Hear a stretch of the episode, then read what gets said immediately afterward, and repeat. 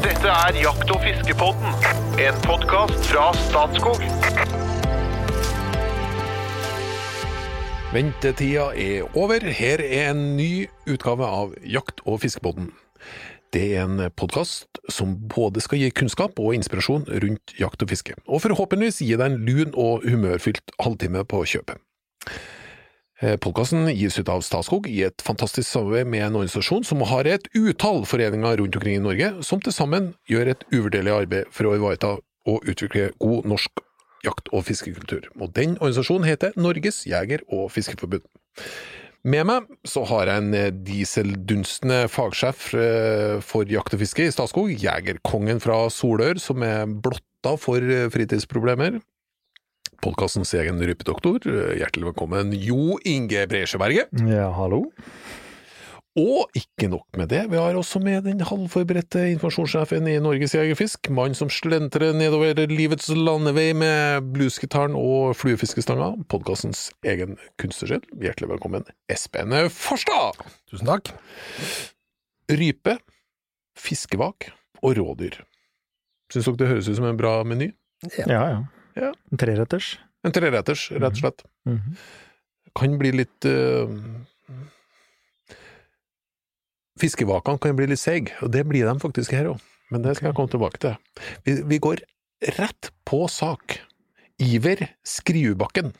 Han er en 17 år gammel gutt som er lidenskapelig opptatt av rype og rypejakt. Høres det ikke bra ut, Jo Inge? Jo, jo, for all del.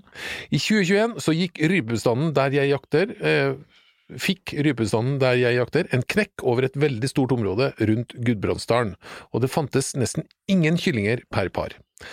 Det var bra med voksenfugl ut fra takseringene, så da er spørsmålet mitt om dere vet grunnen til at bestanden får slike knekk. Er det parasitter, Råvilt? klima? Og så bare avslutte, elsker podkasten deres. Mhm. Ja, Ja. Det er litt sånn krasj i bestander og sånt. Hva, hva er det som påvirker? Nei, ja, skal vi begynne der? Eh, Ja. Dette, ja.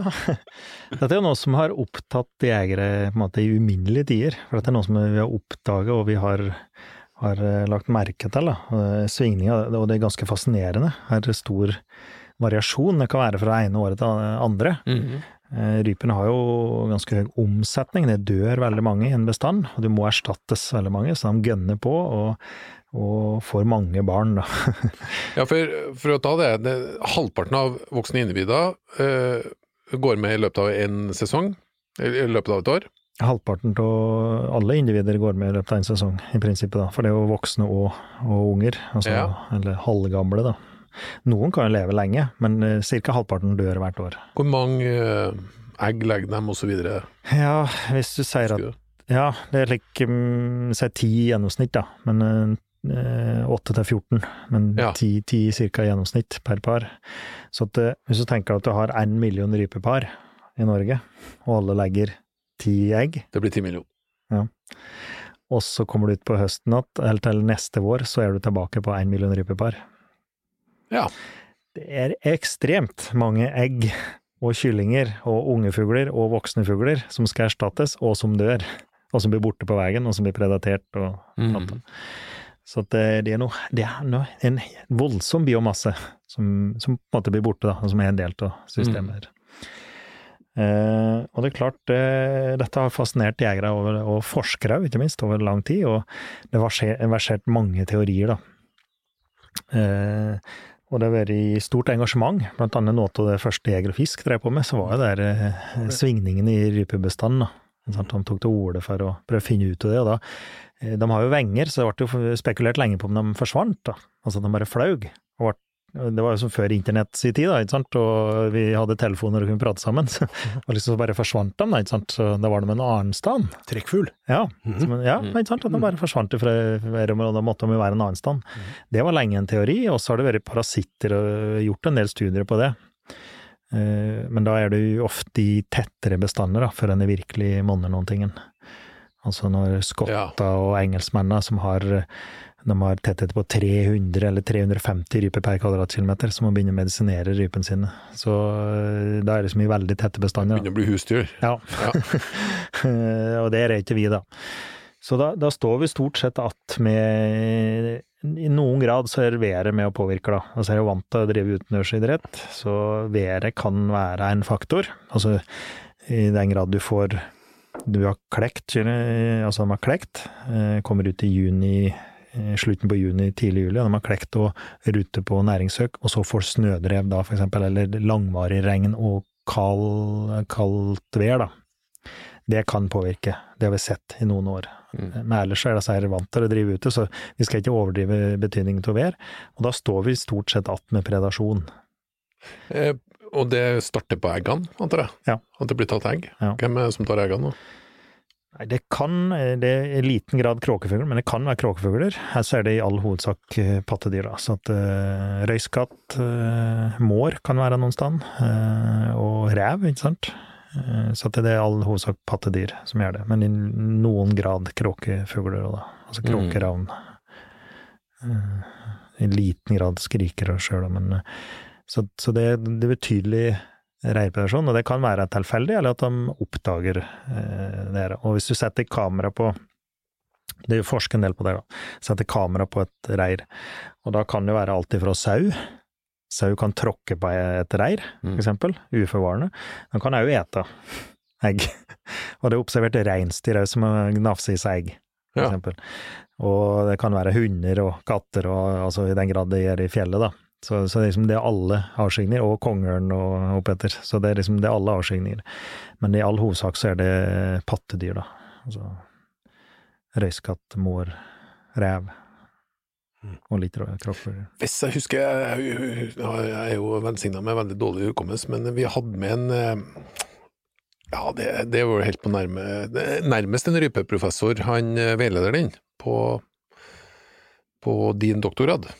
Ja, vi hadde flere, da, men Ja. Erlend, kanskje? Erlend Nei. Nilsen? Nei. Hans Christian? Fra Vestlandet.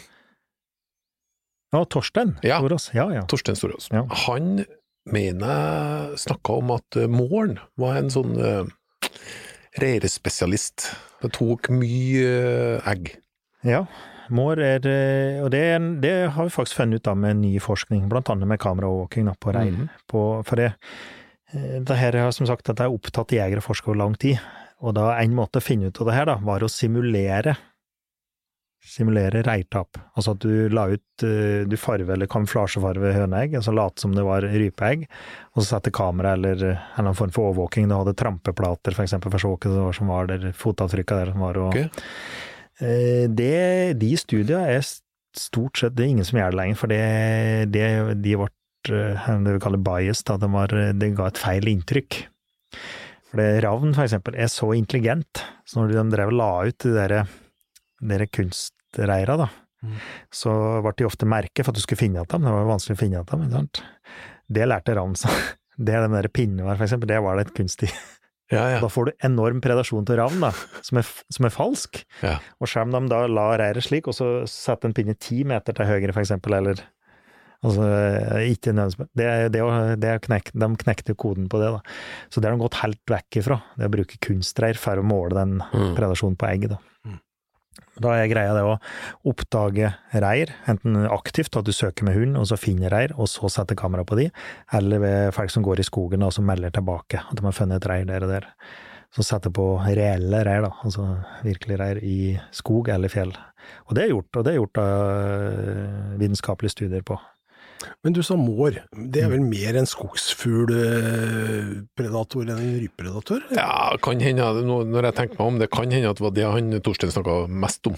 Ja, Skogsfuglpredasjon. Men, men i det prosjektet da, som Torstein refererer til, eh, så, så hadde de reir både i skogen og på fjellet. Altså i lirypehabitat, som da var i skogkledd lirypehabitat, altså på vei opp på høgfjellet. Mm. Og, og greia er at det de ikke visste fra, eller vi ikke visste fra før, var her betydelig mår, måren var som predator, og den var mye mer effektiv enn vi har trodd tidligere. Ja. Au opp i rypeland, altså han går forholdsvis langt opp i fjellet. Okay. Så lenge det er skog i hvert fall, så vil den være opp oppe i fjellet. Mm. Og det er slik som vi ikke var klar over tidligere. Det samme ser vi med rødreven. Den å trekke lenger opp i fjellet enn den gjorde gjort tidligere. Mm. Det blir da på kunstigreir, som er testet nå, så har vi òg hatt mår i Børgefjell, for eksempel. På høgfjellet. Mm. Som vi ikke hadde tidligere.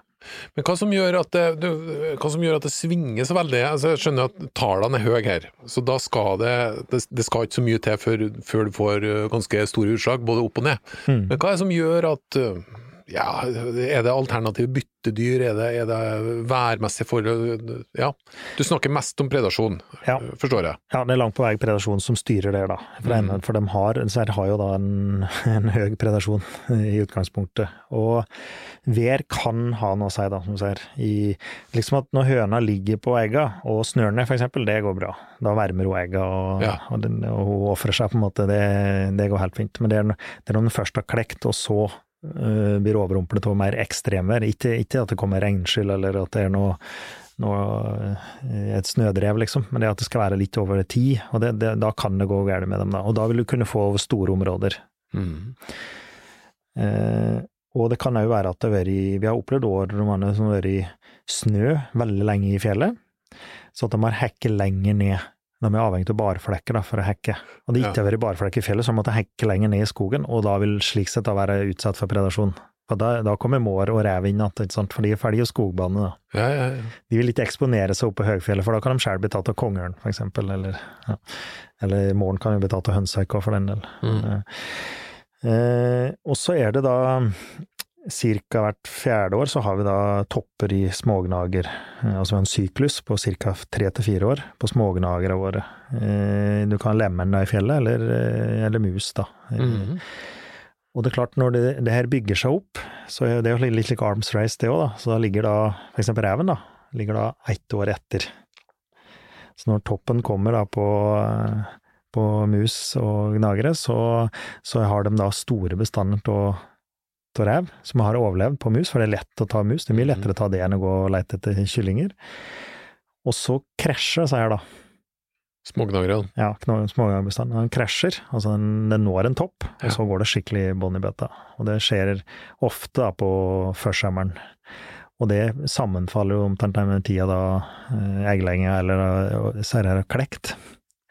Og da har du da en stor bestand av rev, for eksempel, og mår, som har levd godt på to-tre år med smågnagere som har bygd seg opp, og, hatt, og får store kull, og unge Mm. rever og morre overlever òg.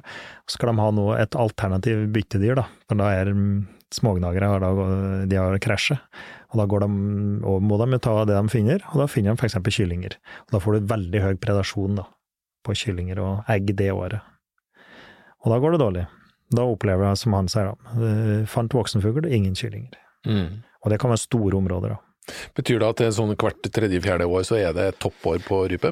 Ja, det var jo slik, da. Det her var liksom, det, smågnager er motoren i systemet her, Mm. og så var det svingninger som gikk med tre-fire års mellomrom, da. Og så hadde vi en lang periode tidlig på 2000-tallet som seier var borte. Langt på vei var borte, og bare flukterte på et lite nivå. Ja. Og så har de kommet tilbake, så nå ser vi litt svingninger, men ikke slik det var. Ikke så, ikke så stor grad som det var tidligere. Men det er tilbake, sånn at vi har liksom vi har motoren i gang igjen, da. Mm. Og det sammenfaller bra med et fall i rypebestand, for eksempel. For du vil da oppleve høyere predasjon over tid, da. Fra rev, for eksempel, på ryperev og skogsfugl, når du da ikke har smågnagere som et alternativ bytte. Ja. Mm. For de ønsker seg helst Altså det er lettere med, som du sier, med Ja. mus?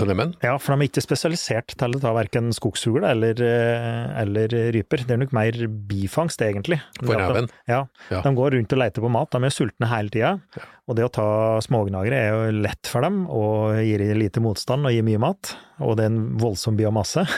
Og så dumper de borti da et skogsfuglkall eller et rypekall. Mm. Og så er det på en måte mer bifangst. da. Det er ikke slik at de aktivt går og oppsøker dem, men eh, heller at de finner det på sin vei, da.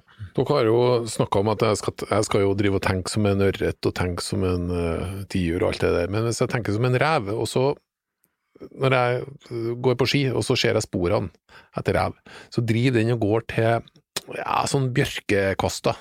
Den, går, den driver og går til trærne, eh, og så sjekker den, det ser ut som den sjekker akkurat rundt treet. Mm. Kikker den etter rype, tror du, eller kikker den etter mus? Det kan være litt begge deler, for vi har jo sett at eh, de går altså Når det kommer på vinteren, f.eks., så går jo hønsefuglene våre i dokk, de ligger i, i snøen. da. Litt for å unngå predasjon, og litt for å spare energi. Det er litt usikre på mekanismen.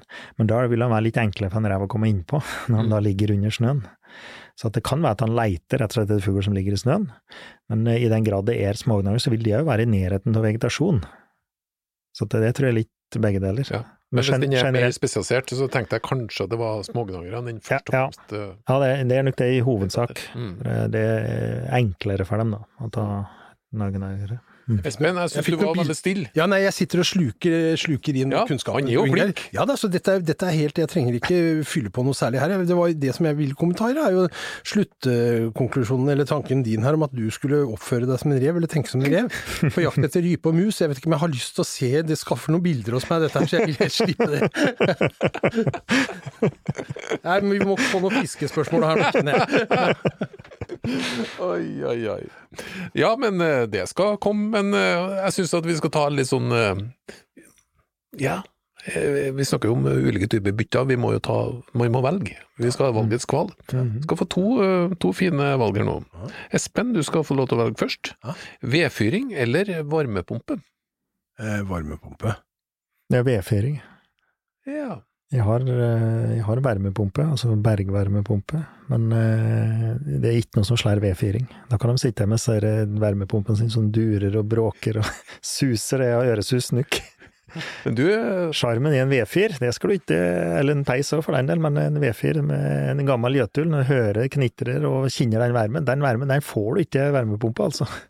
Når du sitter i den eh, veldimensjonerte villaen ute i Asker, eh, da er det varmepumpe det går i. Du skal ikke ut i garasjen, ned i garasjen, for det var under huset den. Ja. Nei da, jeg har også en peis for kosens del, men for oppvarming av huset så bruker jeg varmepumpe. Det, er, det gjør jeg, etter at vi kjøpte den, så gikk strømregninga i været. Den gjorde faktisk det. ja, fordi at det, Ja, du ikke øker jo grunnvarmen og syns jo dette var fint. ja, ja, ja, ja, ja. Ble tørt. Det er noen som snakker om det blir tørt i huset. Det kan jeg love deg, og Ja, det dette det. bekymrer jo meg som har hengende noen Ikke eh, titalls gitarer på veggene. Ja. For de er jo vare for denne luft... Så jeg har måttet gå til innkjøp av en eh, relativt kraftig luftfukter, ja. Men veldig moderne og stillegående, da. Så, Men- men holder, så jeg har, jeg har 50% luftfuktighet hjemme hos meg hele tiden. Men det blir tært og vedfyringa, altså. Så kjære lytter, hvis du hører når du er på blueskonsert med en Espen Farstad og han spiller litt surt, så er det fordi at han har varmepumpe. Nei, det er fordi jeg har kjøpt billig ved fra tenker jeg. Ja, nei eh, Jo, hva heter det? Vindtett eller vanntett? Vanntett. Ja, da går jeg for vanntett. Ja. Eh, vind kan trette, og det kan du òg verge deg litt mot, da, med her du har under. Men vanntett er ikke en fordel. Vanntett er viktig. Mm. Enig. Martin Mostad skriver Hei, Jakt- og fiskebåten. Superduper podkast. Etter å ha hørt deres eh, episode om eh, vaking, fikk jeg lyst til å spørre om noe. Jeg og min svoger bruker å dra på overnattingsturer med telt og fiskestang. På våren i fjor var, var vi ved et skogsvann ikke så langt hjemmefra, og det var, mest, øh, og det var det mest aktive vannet jeg noen gang har sett. Det vaket overalt. Men jeg fikk ikke et j... Øh, prikk, prikk, prikk, napp noen gang. Vi fisket med alle slags farger, størrelser, spinnere og med mark. Og nå sier sikkert bluesgitaristen, limerick-kongen og kunstnersjelen fra Asker eh, med altfor mange fiskestenger, infosjefen i Norges Jegerfiske, Espen Farstad, at jeg fisker med feil utstyr. Det har jeg også skjønt, men jeg kan ikke fiske med flue.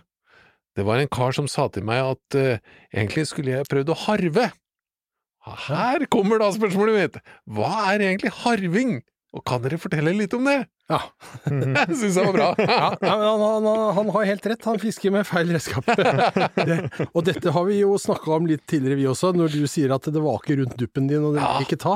Ja. Ja, nei, det, for du fisker jo med en mark nedi vannet på en fisk som går og beiter på insekter i overflaten, og så er du forundra over at den ikke tar. Og det samme gjelder jo han som her da fisker med alle mulige rare sluker, som om denne ørreten var ute og beita på andre fisk eller noe andre større dyr, mens den i realiteten, og dette var tidlig på våren, ganske sikkert beita på fjærmygg i vannoverflaten. Bitte, bitte små insekter eh, som du da må imitere med, og det vil du ikke fiske med flue, så kan du godt stå der og dælje da, men da du kommer ingen vei med det. Og harving er dessverre ikke løsningen på det, Nei. for det harving det foregår om høsten. Aha, jeg vet ikke hva det- er. Altså. Nei, nå skal jeg fortelle deg hva det er. Det foregår i eh, høstmørket, eh, typisk litt sånn august, eh, litt sånn mørke augustkvelder, ja. ja. Det skal være ganske mørkt. Eh, og det du gjør da, er at eh, den gamle klassiske harvinga, da, da brukte man mark. Ei klase, ei klyse med, med meitemark, mange, liksom, så, så, sånn, som du heiv ut i mørket eh, langs land, liksom, og så dro du det gjerne med en lang bambusstang den gangen, da, litt høyt i vannet, sånn at den nærmest hoppa i vannflaten bortover. Kan være at den imiterte en frosk, kan være at den imiterte noe fisk som var inne på grunna, kan være at den imiterte vårfluer, store vårfluer, som jo også oppfører seg sånn, ikke sant. Og da kommer, men du vet, vi har snakka om det før, når mørket kommer på, da tør ørreten å komme sigende helt inn. Og for det er jo i fjæresonen, selv i et ferskvann, at det er mest mat, ikke sant. Så da kommer den helt inn, og da går den på. Og dette er jo voldsomt fiske, for det kan være store fisker. De tar attakkerer på en måte i vannoverflaten, og det er stupmørkt. Ja. Ja. Jeg skal love, du bør, du bør ha gjort unna det meste før du går ut og gjør dette fisket, for det, dette, her, dette er ganske sjokkartet, altså. Så det er harving, men det hadde ikke hjulpet han her i denne situasjonen, snarere det hadde vært helt malplassert. Så, så hvis du er tidlig på'n i marka og skal, skal prøve å fiske ørret på, på vann hvor fjærmyggen holder til, ja da må du fiske med fjærmygg. Sånn er det. Ja, men eh, kan du, eh, kunne jeg brukt eh, en dupp med en fjærmygg på sida? Ja, du kunne, men, men, men uh, dette er jo fluer Beklager, jeg ser jo at det gjør vondt når jeg stiller spørsmål, Ja, ja, ja. men, nei, men, nei, men det, det, er, jo- det er jo gode spørsmål. Jeg bare må bare prøver å forklare, da. Altså, vi har jo sagt at du kan fiske flue med dupp, absolutt. Men da er det nok mer for å imitere insekter i bevegelse. Typisk for eksempel vårfluer som vi har snakka om, som freser bortover vannet og lager sånne veer bortover, ikke sant? Eller, eller døgnfluer som klekker og er på en måte aktive og lager uro i overflaten. Det gjør ikke en fjærmygg. Den, den ligger helt stille i, i vannoverflaten, og fisken har all verdens tid. Svømmer rundt og plukker en der, og plukker en der. Det er ikke noe plaskevak, det er ikke noe, ikke det ligger ikke en bobler i vaket, som eh, Tore Rydgen ville sagt. Nei, så, så Nei, da, da har jeg et annet forslag til han. Da foreslår jeg at du drar et annet sted og prøver noe annet isteden. Dorging, for eksempel, Ja. kan være bra tidlig på våren. Så, så hvis du får fatt i en båt og kan komme deg ut og få dorge, da, da er det kanskje en bedre idé enn å stå der og pælme med sluk på disse, altså. Mm. Og hvor skal du sette ut båten? Det har jeg en liten limerick på, gitt. Nå skal vi høre. Ja, var det. Altså. Dorgefiske og båtutsett heter den. Og her kommer jo Den er, den er jeg egentlig litt fornøyd med. En sylfersk ørretdorger ifra Knappen, han var på ingen måte tett i pappen. Han visste akkurat hvor han skulle gå om bord. Han hadde lest seg opp i NJFF-appen. Å, det kom en jammen igjen! Det er appen som har alt. Ja, det er det. Men du, jeg, må- jeg må spørre bitte litt til om harving, da. Ja. Siden eh, Bruker du er det, er det kun en klase med mark, ikke noe lodd eller noe sånt? Nei, ikke noe lodd. Denne skal jo gå i overflaten. Ja. Ja. Så det er litt av poenget. Men du kan faktisk gjøre dette med, med fluestang også. Altså rett og slett eh, stå og hive en svær, eh, svær vårflueimitasjon, da. Mm. en sånn Striking Caddies, en eller annen sånn CDC, altså sånn høytflytende Caddies-greier som du striper i vannflaten. Det vil jo gi samme effekten. Ja. Eh, Kaster du det rett ut, og så, og så tar du det inn med helst- sånne rykkebevegelser? Ja, det gjør du, men aller helst langs land. For det, som sagt, fisken går veldig tett på land, så ikke okay. hiv ut i det dype vannet, liksom. Hiv Nei. opp langs land, liksom. og Litt sånn vifteform utover, da, men ganske tett på land. Hvis det er lite vegetasjon langs vannet, Ja. og du har en uh, god gammeldags teleskopstang, Ja. kan du gå bortover med det? Du har så lyst på den dorginga, du. Eller omkringa, egentlig. Ja. Jo da, det er klart du kan det, men, men, Men, men da er det sjansen for at du skremmer fisken igjen, da. At den bevarer det. Ja. Så slik sett er det nok bare å stå rolig. Det, I gamle dager så brukte jo meitspau, altså bambuspau, Ja, ja. langspau, og så og drog langs og land, som Espen sier. kan ofte få svære fisker, altså. Ja, kan gå store fisker inn til land. Martin, da fikk du i hvert fall svar på spørsmålet. At eh, du fikk, du fikk vite mer om hva harving var. Men uh, i likhet med meg, så må du tydeligvis slutte med det der og komme deg over på ei fluestang. Hvis du skal lykkes akkurat der. Akkurat der og da må det, er nok det der og da. Og hvorfor ikke? Og jeg er enig i det. Jeg har kommet et stykke på vei, Espen. Jeg, jeg, jeg har en plan. Ja, Det er bra. Det, ja. Ja. Så det blir. Eh, Sondre Sløpke, han kaller seg sjøl vår fan nummer én. Og det øh, syns jeg er fint. Hei, vil bare starte med å si at dere er den ene grunnen til at jeg startet med å høre på podkast. Og at dere er uten tvil den mest lærerike podkasten jeg har hørt. Det syns jeg er veldig hyggelig å høre, for at, øh, vi, har, vi liker å ha mange funksjoner, men også det å gi litt sånn lærdom. Eh, rådyr er for første gang nå i vinter her oppe i Nord-Norge, utenfor Tromsø, og lurer på hvor lang tid det vil ta før man har en jaktbar bestand med rådyr her. Og hvorfor kommer rådyret hit før hjorten? Ser for meg at hjorten hadde tålt de lengre vintrene med mye snø bedre. Ikke sikkert det finnes noen sånn fasitsvar, men det finnes noen sånn tenkning rundt det. Mm. Eh, For det er jo noen bevegelser her. Jeg vet jo at elgen eh, kanskje beveger seg litt nordover, eller hjortevilt kanskje, unntatt ja, hjortevilt beveger seg nordover. Hjorten beveger seg østover og nordover, kanskje. Hva, hva, hva skjer? Eh, Ja, skal vi begynne? Dette er jo dette er jo litt, litt kompliserte mekanismer. Vi, vi prater jo om når dyr trekker, så er det, liksom, det er forskjellige måter å trekke på. En ting er spredning, at du skal spre deg vekk fra der du er født, så du for unngå innavl. Det liksom ligger ned i ervet her. Og så kan du ha næringssøk, at du har eh, trekk, vintertrekk, eksempel. Og så er det òg migrasjon, at du trekker til andre områder. Koloniserer nye områder. mm. Eh, Der er vi da på rådere her, da.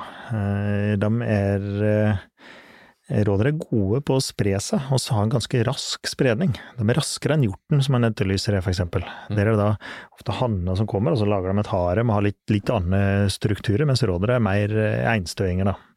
Og slik sett ha en ganske rask spredning. Det første rådyret eh, i moderne tid kom til Norge i 1871, samme året som Norges Jeger- og Fiskerforbund ble stiftet, altså 151 år eh, siden. Mm. Og de eh, ja, og slik så kan spre seg ganske langt, og kan vandre ganske langt, og så slå seg ned på nye områder. Og langs kysten vår altså, er det jo Vi har jo isfrie havner og, og er begunstig med Goldstrøm og varme, forholdsvis varme vintre, og ikke nødvendigvis så mye, mye snø. Så slik så de, vil de kunne klare seg langs mesteparten av kysten vår, faktisk. Og det vil vi nok oppleve med mildere vintre, da. At de vil kunne trekke oppover. Og nå har vi både satt ut rådyr, og de trekker av seg sjøl, da. Men, men, men der sier du langs milde vintre langs kysten. Det er jo helt riktig, for hvis du ser oppover langs nordlandskysten, altså hvis du reiser til Brønnøysund, eller oppover på de der øyene på, på Sør-Helgeland, Mm. masse rådyr! Altså det, matt av rådyr. Mhm. Ikke sant? Men, og der er jo ikke så snørikt heller, ikke sant? Nei. og det er ganske mildt. Men Tromsø Kan være mye snø. er noe annet, ja. For det, ikke sant? Her kan det ligge to meter i mai, Ja. ikke sant? og det er døden for et rådyr. Det er riktig. og det kan komme mye snø seint på våren òg. Ja. Det er jo verre, da. Ikke Ikke sant? sant? En ting at de er vant Ja. til det der, men du kommer liksom i vårknipa, så kan det komme en meter snø til, liksom. Det er jo Men Lillehammer, for eksempel, det er ikke ekstremt snørikt, det òg. Trysil. Men det er kanskje ikke så mye rå- rådyr? Eh, Jo, jo, men det er da marginale bestander igjen, da. For det, det kan jo være betydelig med snø, selvfølgelig. Men eh, vi har jo en bestand rundt Alta, og har hatt det lenge. eh, Som mest sannsynlig har kommet fra Sverige eller eh, Finland. Ja. Altså over da. Ja, og i Målselv er det Ja. en bestand av rådyr. Ja, det er det, Ja. faktisk. Men som er da i områder som har litt mindre snø, og slik sett er jo kanskje ja, klarer å leve tett på folk, og slik sett få litt støttefòring gjennom vinteren, da. Enten gå i hager og ete, Ja. eller at det òg blir fôret, da. Sant? Og ikke bli jakta på heller. Men det blir de ikke jakta på i Nord-Norge? Eh, Nei, jo, altså i Nordland for eksempel. Ja, Nordland, ja. ja, ja. Men, men, men, altså, la oss men si nord for tror- Saltfjellet kanskje ikke. Tror ikke de jakter på dem i Troms. Uh, tror ikke. Så Saltfjellet er kanskje, kanskje grense noe Saltfjellet var jo en gammel barriere, ikke sant? Det var ikke hoggorm nord for Saltfjellet, og Grana gikk til Grane og alt Ja. dette her, ikke sant? Men, men det har jo endra seg, og du ser jo kanskje enda bedre i sjøen. Altså, for vi, når jeg var guttunge, så var det innimellom litt makrell på Nordmøre der jeg var på ferie, og den makrellen gikk liksom til Trøndelag. Nå fisker de den på havna i Longyearbyen. Ja. Ja, så det har skjedd noen endringer her, og det er Ja. jo klimatisk, sannsynligvis da, Mm. først og fremst. Mm. Og med de spådommer med 1,5 til 2 grader, så vil det jo være muligheter for å ha, ha råder hele veien opp i Finnmark, da, og på kysten. Men det, vet dere om den er voksne, da? I nord, nord for Saltfjellet? En voksende bestand? Eh, Nei, her, her vil det jo være, langt på vei være snøen som begrenser. Og, og predasjon, da. Altså gaupe, for eksempel. Og her har du begge deler. Tidvis mye snø. Ulv, bjørn, kanskje. Ja, ikke i veldig liten, nei. Og vil Og det, og det er jo så marginale, det er så marginale bestander at det er nesten Det er bare bitte lite grann Ja. vi snakker om. Ja. Mm. Og det, det å ta et rådyr for eh, ulven kan være vanskelig nok, altså. Og nå har vi ikke noen etablerte ulvestammer der, men det er vanskelig for dem. Mens gaupa er mer en spesialist og klarer det å lete. da. Så, Men et annet rart ting med rådyr er jo hvorfor er ikke rådyr i Sogn og Fjordane? Mm. Det er rådyr i Hordaland, og det er masse rådyr i Møre og Romsdal. Det der er det jo virkelig Mm. så det mysser. Mm. Så det er, hvorfor er ikke Sogn og Fjordane de, de svømmer jo lett over en fjord. Det er jo Mm. ikke noe problem. Så det er noen barrierer da, som gjør at de ikke Mm. Men ok, eh, så, det, så det, sannsynligvis så vil det ta en viss tid før det blir en jaktbar bestand av rådyr nord for Saltfjellet. Det må vi regne med, da. Så selv om du får noen individer, så er det jo i det lange perspektiv, så er jo ikke det her lenge. Nå har det, liksom kommet, altså, nå har det kommet til Tromsø, Eh, men eh, det vil jo ta år før det etablerer seg, og det er jo avhengig av at du får en rekruttering, og, og at de overlever, da. Ikke sant? Men hjorten, det er jo, det er jo eh, hvis, jeg, hvis jeg husker rett, det, det felles kanskje en 30 000 elg, men det felles en 45 mot 50 000 To, hjort. 52 000 var den siste nå. Ja. Mm. Så det er snart dobbelt så mye hjort som elg. Så, Mhm. og fortsatt så tror jeg at bestanden bare øker. eh, eh, Men den driver og brer seg ut. Ja. Men det er litt det samme nok, der, da. egentlig, kanskje da, spesielt når det blir en stor bestand, så vil den kanskje trekke enda mer øh, ut. Ja, men det, det er jo naturlig, da, for du får konkurranse om maten, og så når den konkurransen blir stor nok, så må du jo nødvendigvis oppsøke nye områder. Mm. Og det er klart, da er det uplegd mark lenger øst og lenger nord og sør. Hvor langt nord, eh, bortsett fra ja, det, det er jo en øh, Vi har jo hatt en øh, hjorteepisode. Vi hadde med en fylkesleder i NJFF blant annet en gang òg, Ja. om hjortejakt. Eh, Det er jo en hjortestamme på Otterøya, men det er vel en litt sånn ah, Ikke avart, men en egen Det er en egen sak. egen Ja. sak. Men den, den fra Sør-Vestlandet, som brer seg litt over til Østlandet, er det, vet du, vet Han du er, hvor han er jo på Helgeland, da. Så den, Ok. Ja, Vi har kommet dit, ja. ja, vi er dit, ja. Ja. Vi er det, og det jakter vi på nå allerede. Så, Ja. ja. Men er vi ikke, Ikke, nord for den er ikke nord for Saltfjellet, så vidt jeg veit. Nå får jeg sikkert kjeft hvis noen skulle funnet en gjort det, men jeg vet ikke at det er nord for Saltfjellet, nei. Nei, men den, Den er vel en er klimavinner, kan vi ikke si det? Det kan vi si. Mm. Mens elgen slik sett en klima... klimataper, Taper, ja. eller klimavarsler, Ja. kanskje. For det klimasliter. sliter. Ja, det er det, faktisk. Ja. Ja. Mm. Mens rådere vil da slik sett være en klimavinner, i den grad du får varmere og, og Altså, den 30 forstår greit at det blir bløtt, Mm. og varmere. Den er jo tilpasset å leve i, i veldig varme strøk, Mm. så det er jo snøen som er problemet for den. da. Så hvis det slik sett er at du får mer snø, så vil den slite, men eh, i den grad det blir varmere og, og kortere vintre, så vil jo den vinne på det. da. Mm. Sondre, da fikk du en god del info og tanker om uh, hjorteviltets utbredelse i Norge. Eh, hvis du smører med mye tålmodighet, så kan det nok hende at rådyret blir jaktbart, og enda mer tålmodighet eh, så blir hjorten òg kanskje jaktbar, hvem vet, eh, også nord for Saltfjellet. Mm. Vi skal gå ned for landing. Iver, Martin og Sondre, dere må sende info, sånn at dere kan få verdens vakreste T-skjorte tilbake.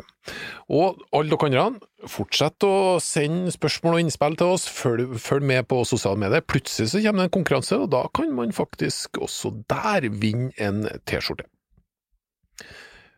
Før vi fader helt ut, hot or not, Jo Inge, du svarer først. Ja. Reklamebyrå, hot or not? Eh, not. Not. Dansdesign, hot or not? Ja, det kan være hot. Hot, ja. Statskogs årsrapport, hot or not? Not. Ja, det er hot. Ja, ja. Eh, Nå ligger du syltynt an. Inge. Ja, jeg vet. Fyllepenn, hot or not? Hot. ja hot, ja. Innskjerpa utlånsordning for våpen, hot or not? Not. Hot. Finsk sauna, hot or not? Hot. Veldig hot. Lakseelva, Vefsna, hot or not? Den er hot. Ja, hot, ja. Fra DDE-albumet Vi skal feste, all mot all, låta Jeg lover å lyge, hot or not? Det var et rungende hot i studio! Takk for det, og velkommen tilbake til nye eventyr i Jakt- og fiskebåten.